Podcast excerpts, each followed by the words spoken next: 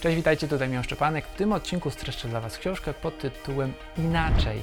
Jest to książka Radka Kotarskiego, która mówi o tym, jak pracować efektywniej i produktywniej. Całość notatek z tej książki znajdziecie na mojej platformie BookTube. Zanim zaczniemy, moją pasją jest czytanie książek rozwojowych i przekuwanie tej wiedzy w działanie. Dlatego stworzyłem społeczność BookTube, czyli miejsce dla osób, które razem ze mną chcą poznawać dwie książki w miesiącu. Książki z rozwoju osobistego i biznesowego. Prosto na maila wysyłam moje notatki w formie tekstowej i wideo, dzięki czemu możesz poznawać najciekawsze idee świata i oszczędzić czas. Otrzymasz również dostęp do kilkudziesięciu moich wideo notatek z książek, które każdy przynajmniej raz w życiu powinien przeczytać. Wejdź na booktube.pl i dołącz do naszej społeczności. Tymczasem przejdźmy do odcinka. Książka rozpoczyna się od analizy obecnej sytuacji. Okazuje się, że aż 70% osób wedle Instytutu Galupa nie czerpie satysfakcji ze swojej pracy. Co za tym idzie, nie przykłada się do niej.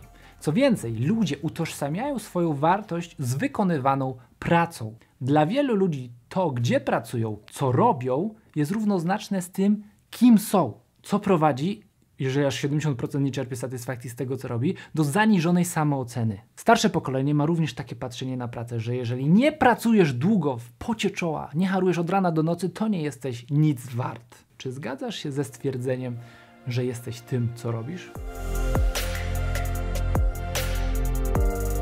Jeżeli ludzie nie czują tej satysfakcji z wykonywanej pracy, no to pojawia się pytanie, jak zwiększyć motywację do pracy? W rozdziale o motywacji znajdziemy podział na motywację wewnętrzną i zewnętrzną. Wewnętrzna, czyli ta immanentna, to najsilniejsza motywacja, która powoduje, że wykonujemy wszystko z lekkością i naturalną chęcią do działania.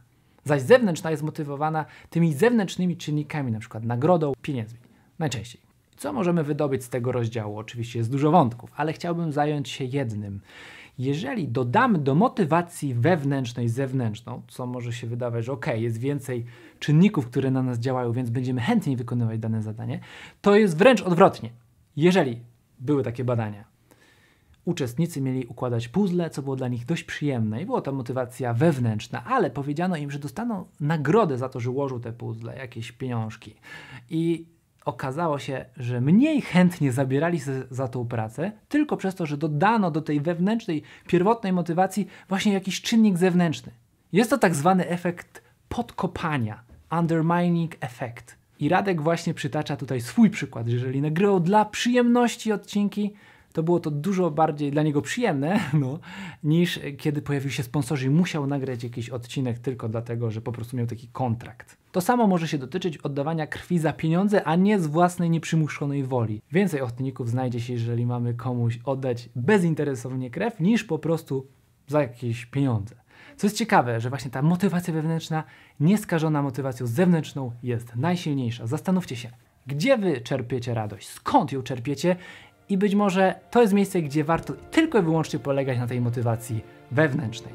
Nie dodawać żadnych zewnętrznych nagród typu pieniądze.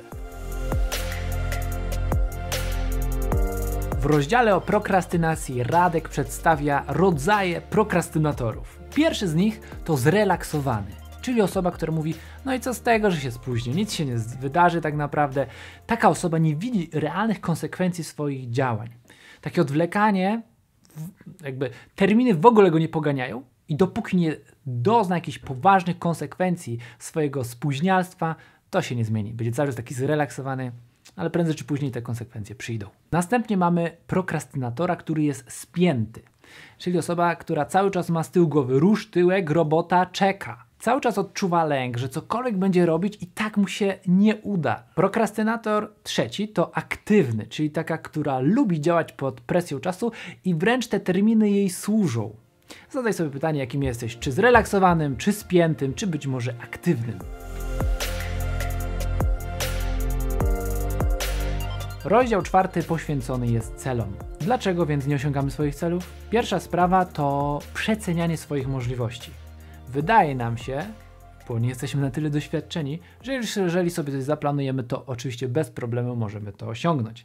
Jest to tak zwany efekt Dunninga-Krugera. Ludzie niewykwalifikowani w jakiejś dziedzinie przeceniają swoje możliwości. Następnie przyczyną nieosiągania celów jest złudzenie kontroli. Wydaje nam się, że mamy kontrolę nad otoczeniem, nad sytuacją, że jeżeli na przykład gramy w ruletkę, to w nią wygramy, a to jest czysty przypadek. Tak samo może być w życiu. Oraz istnieje też tendencyjność optymistyczna, czyli wydaje nam się, że pewne zagrożenia nas nie dotyczą, być może innych, ale mnie to na pewno nie spotka i wydaje mi się, że osiągnę te cele. I następnie autor zwraca uwagę na poziom trudności celu. Chodzi o to, żeby ona była optymalna, ta trudność. Nie możemy mieć celów zbyt łatwych, bo będzie nas to zniechęcać, ale też nie możemy mieć zbyt trudnych, bo będzie nas to demobilizować. Hej, dzięki za zapoznanie się z tymi fragmentami notatek. Jeżeli chcesz poznać więcej ciekawych idei z tych książek, wdrożyć wiedzę w swoje życie, to dołącz do BookTube'a. Link pod tym filmem do społeczności ludzi, którzy chcą wdrażać wiedzę z książek w swoje życie. Do zobaczenia w następnym odcinku.